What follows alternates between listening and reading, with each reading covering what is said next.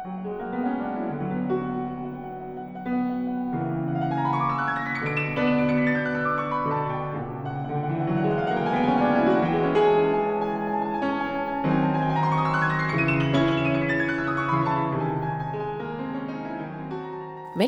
til Lyset på Nasjonalballetten. I denne forestillingen vil du oppleve stor ballett om intens kjærlighet, men også helt ny og moderne dans. Når Nasjonalballetten byr på noe av det beste de kan, betyr det klassisk ballett, danset til klassisk musikk, der kvinnene typisk danser på tåspissene. Men det betyr også nyskapt dans med et moderne uttrykk. Det er den blandingen Nasjonalballetten står for. De skal både ta vare på og fornye ballettarven. Jeg heter Maria Børja, og jeg skal introdusere deg for to som heter Julie og Romeo.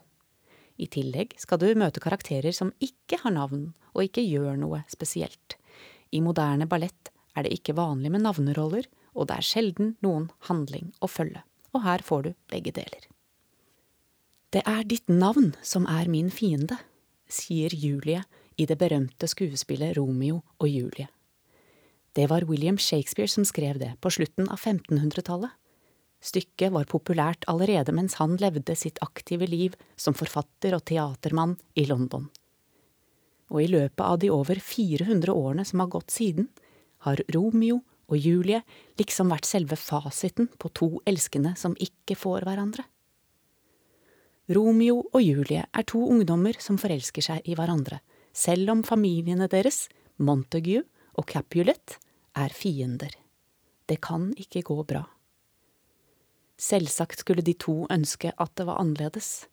La oss høre hva Julie sier. Det er ditt navn som er min fiende. Du er deg selv og ingen Montague, for Montague er ikke hånd og fot, arm, ansikt eller noen annen del av mennesket. Og hva er et annet navn? Hva er et navn? Den blomst vi kaller rose, vil dufte liflig uten rosens navn. Romeo og Julie får bare én natt sammen. En rekke forviklinger fører til at de dør så altfor unge. Og faktisk må en pandemi ta en del av skylda. Budbringeren til Julie blir nemlig satt i karantene og forhindres fra å gi helt avgjørende opplysninger til Romeo. I det minste dør Romeo og Julie i hverandres armer. I lyset på Nasjonalballetten møter vi Julie og Romeo før tragedien inntreffer. Vi er i den såkalte balkongscenen. De har nettopp møttes på en fest og forelsket seg. Romeo klatrer opp på balkongen utenfor Julies soverom, og så tilbringer de natta sammen, i hemmelighet, selvsagt. Om morgenen må han klatre ned like stille som han klatret opp. I denne forestillingen får vi, i tillegg til ballett, høre utdrag fra Shakespeares originaltekst ved de erfarne skuespillerne Lise Felstad og Bjørn Skagestad. Musikken til Romeo og Julie er skrevet av Sergej Prokofjev i 1935. Den russiske komponisten bodde da i Paris, før han året etter vendte tilbake til et Sovjet styrt av Josef Stalin. Ballettpremieren sto i New York i 1940, og da var musikken allerede kjent.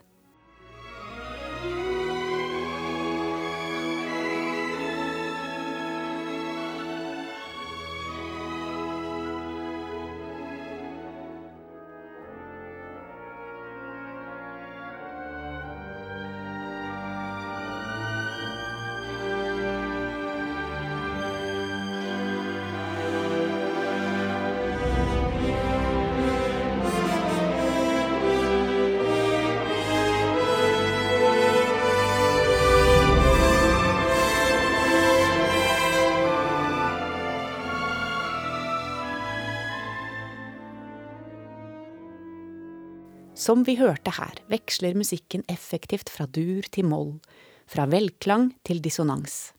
Det er nesten som om håpet og tragedien lusker rundt hverandre.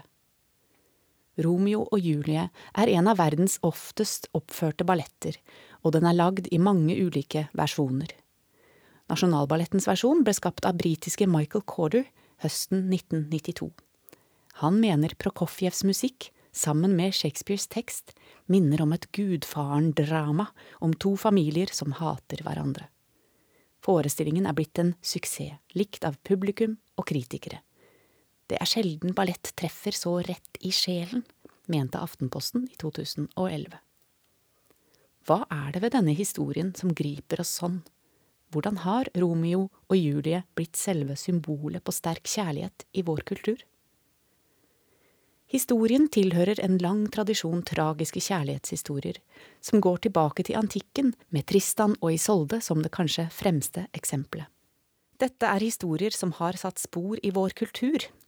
Ifølge litteraturforsker Per Buvik har det gitt oss en myte om at det bare er én vi kan elske her i verden, og at vår lykke er avhengig av at vi møter og opplever gjensvar fra denne utvalgte. Selv i dagens samfunn hvor nær halvparten av alle inngåtte ekteskap ender med skilsmisse, ser vi ut til å tro på forestillingen om den eneste ene. Se bare på alle de romantiske filmene som lages, eller hør på alle poplåtene som på hver sin måte sier You're the only one.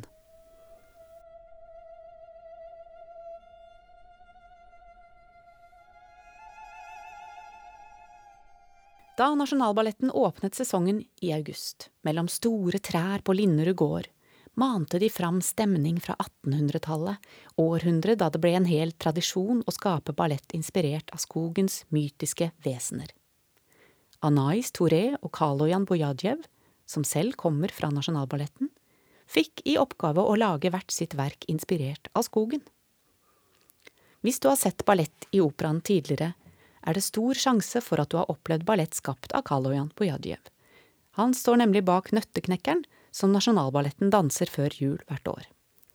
Han har blant annet også koreografert de drivende gruppescenene i Hedda Gabler, en ballett regissert av Marit Moum Aune. Kaloyan var i mange år en av Nasjonalballettens mest profilerte dansere. Som koreograf har han lenge villet skape et verk for kvinnelige dansere på tåspiss. I vår fikk han endelig jobbe med seks av dem. Resultatet er verket Fair Enough. Det er basert på en idé om at danserne kunne representere fugler eller feer. Vingene deres er ødelagt, og de prøver å bryte ut av hverdagslivet, forteller Kaloyan. Kostymenes snirklete mønstre ser litt ut som naturens bladmønstre eller vingemønstre. Det er stor detaljrikdom i dansen.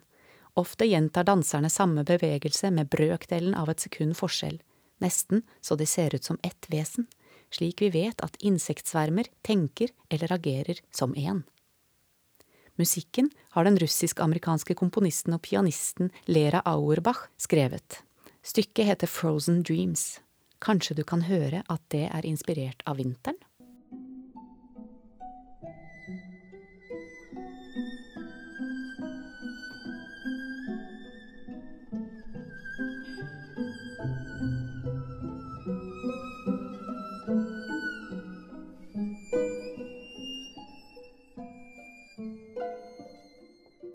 Anais Touré har skapt verket Vago som et mannlig motstykke til Viliene i Giselle.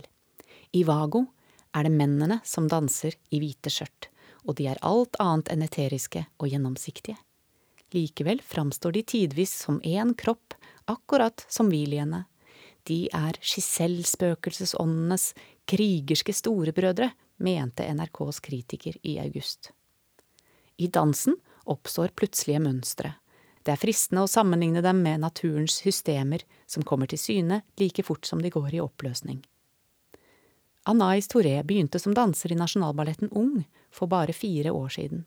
Nå er hun en del av hovedkompaniet og i ferd med å etablere seg som koreograf. Hun ønsket å skape et abstrakt verk, men inspirasjonen var konkret nok. Menn som lever av og med skogen, for eksempel stammer i Amazonas og lydbildet er japanske trommer som er blitt brukt til å skremme fienden i krig.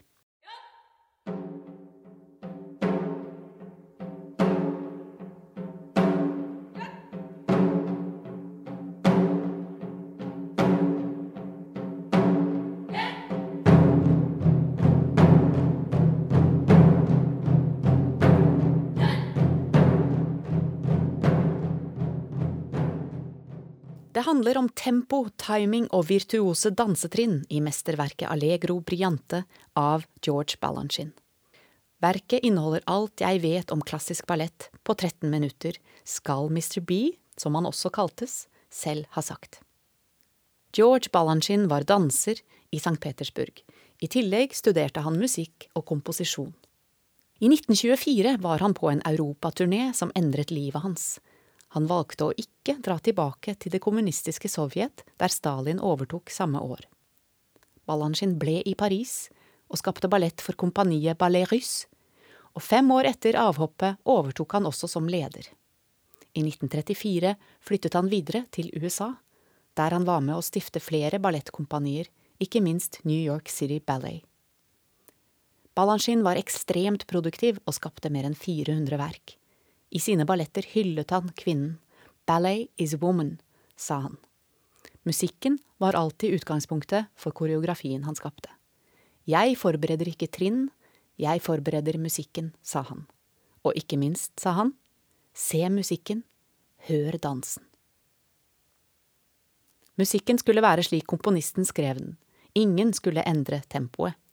Derfor måtte pianistene hans gå rundt med metronom. Allegro Briante ble skapt i 1957 til Tsjajkovskijs pianokonsert nummer tre. Fire kvinner og fire menn danser i ulike formasjoner, fire pluss fire eller fire ganger to.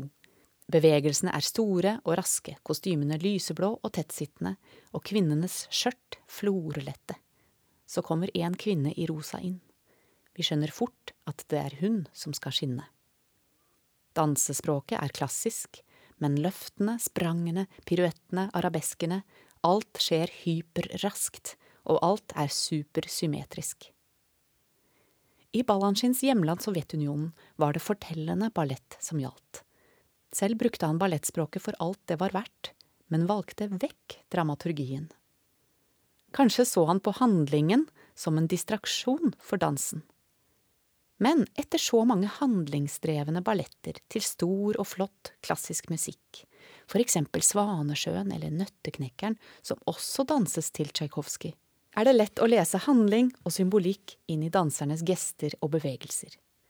Når kvinnen i rosa i Allegro Briante så tydelig er sentrum for alles oppmerksomhet, er det fort gjort å tillegge henne en form for heltinnerolle. Det er kanskje også lett å tolke de to i front som et kjærlighetspar. Balanchine vil at vi bare ser dansen, at vi ikke lar oss distrahere av ytre faktorer. Men hva vi gjør, det er jo vår sak. Vi kommer til forestillingen med hvert vårt sett erfaringer og tanker som gjør at vi ser den på hver vår måte, slik danserne også tolker rollene på hver sin måte. Det er en del av kunstens frihet, heldigvis. Jeg håper dansen og musikken treffer deg der du er i ditt liv, og at du tolker den som du vil og har behov for. Riktig god opplevelse.